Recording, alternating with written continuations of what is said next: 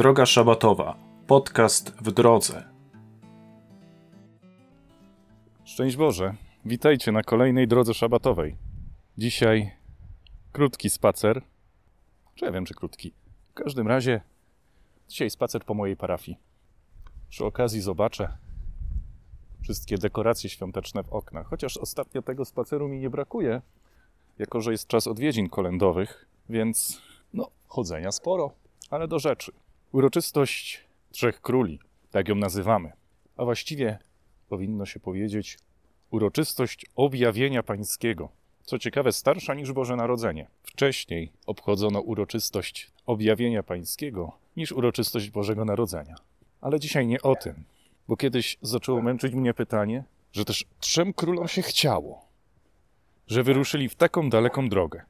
Mędrcy świata, monarchowie, znana, lubiana kolenda, a mnie zastanawia to, że im się chciało.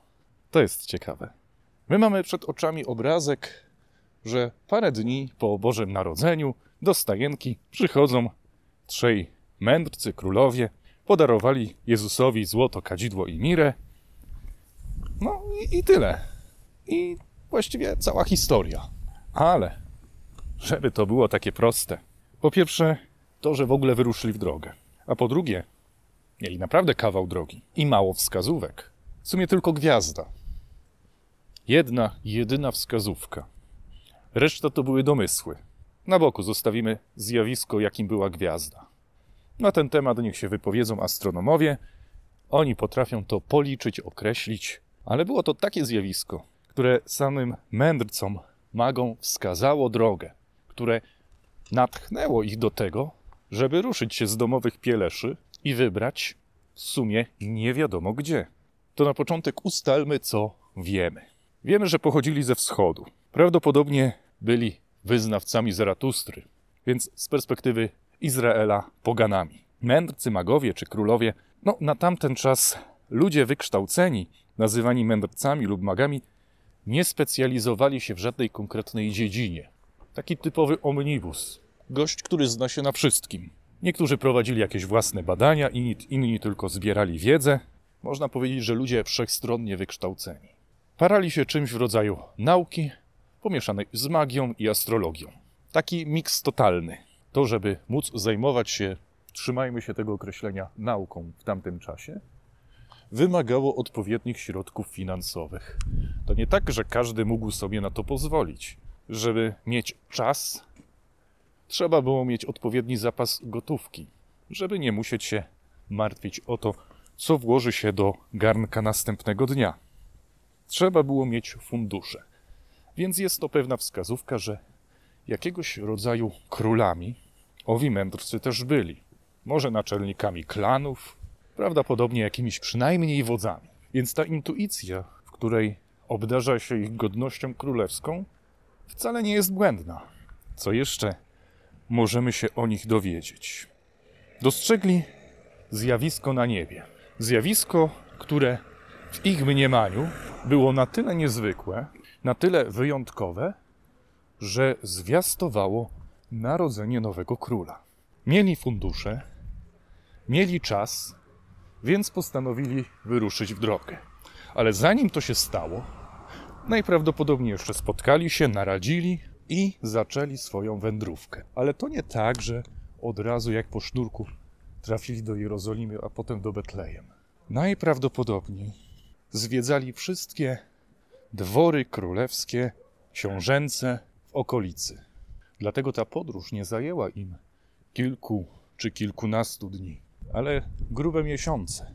Lekko licząc, prawdopodobnie około półtora roku. Dlaczego tyle? Można to ustalić ze szczątkowych informacji w Ewangelii. W końcu po długim czasie, może już nieco zrezygnowani, trafiają na dwór Heroda w Jerozolimie. I tu na chwilę chciałbym się zatrzymać. Zatrzymać przy Herodzie.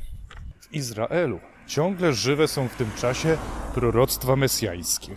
O Mesjaszu, który przyjdzie, wyzwoli Izraela, a Herod wcale nie był Izraelitą. Herod był Beduinem, królem narzuconym. Więc po pierwsze, kiedy usłyszał opowiadanie mędrców, przeraził się, że jest ktoś, na kogo Rzymianie, od których otrzymał tą władzę, zamierzają go wymienić. Po drugie, druga opcja, która mu w tym momencie towarzyszyła, była taka, że nowonarodzony król, pochodzący z Izraela, wywoła powstanie.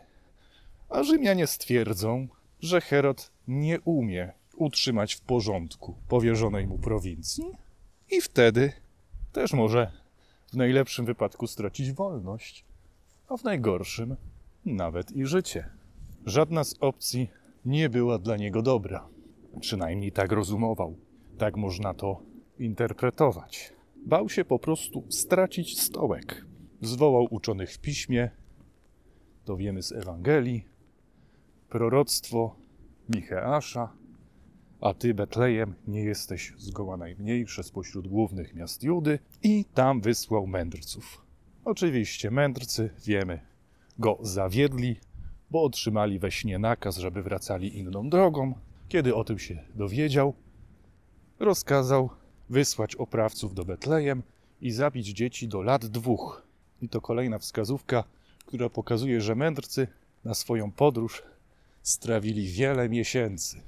Ostrożnie licząc około półtora roku. Ale wracamy do mędrców, którzy dotarli do Betlejem i jak czytamy w Ewangelii, weszli do domu. Tu mamy mały zgrzyt. Przed naszymi oczami zazwyczaj mamy obraz stajenki.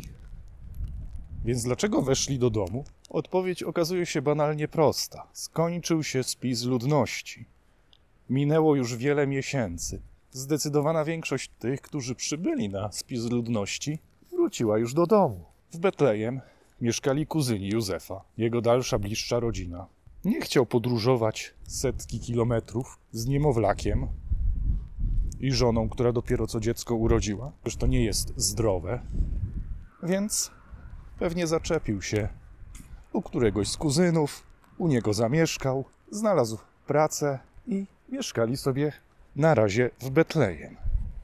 Pewnie mieli fajne miny, kiedy do domu weszli mędrcy, ofiarując dzieciątku złoto, kadzidło i mirrę. To też dary symboliczne, ale te symbole są wyjaśniane już w wielu miejscach. Złoto symbol królestwa, kadzidło symbol bóstwa i mirra symbol przyszłych cierpień. Ale nasi trzej królowie, nasi mędrcy, że też im się chciało, że się nie zniechęcili. Taki kawał drogi, drogi w nieznane. W dodatku do kraju obcego sobie kulturowo, do kraju, który ich, ważnych, bogatych, mądrych, uważa po prostu za pogan. Moja refleksja w tym wszystkim jest taka, że wyruszając w swoją drogę, wyruszali rzeczywiście jako poganie, jako wyznawcy Zaratustry, jako ludzie oddający cześć różnym dziwnym bóstwom, może nieco zakręceni na punkcie tajemnej wiedzy, magii, astrologii i innych tego typu działań, ale z tej podróży wracali już jako ludzie wierzący, ludzie, którzy doświadczyli spotkania z Bogiem, z Bogiem, który stał się człowiekiem. I chyba to też jest przesłanie Bożego Narodzenia. To też istotny aspekt. Spotykamy się w tajemnicy Bożego Narodzenia, spotykamy się z Bogiem, który stał się człowiekiem. Radośnie przeżywajmy uroczystość objawienia pańskiego. W wielu miastach przejdą orszaki trzech króli. Jeśli ktoś ma czas i ochotę, zachęcam do udziału.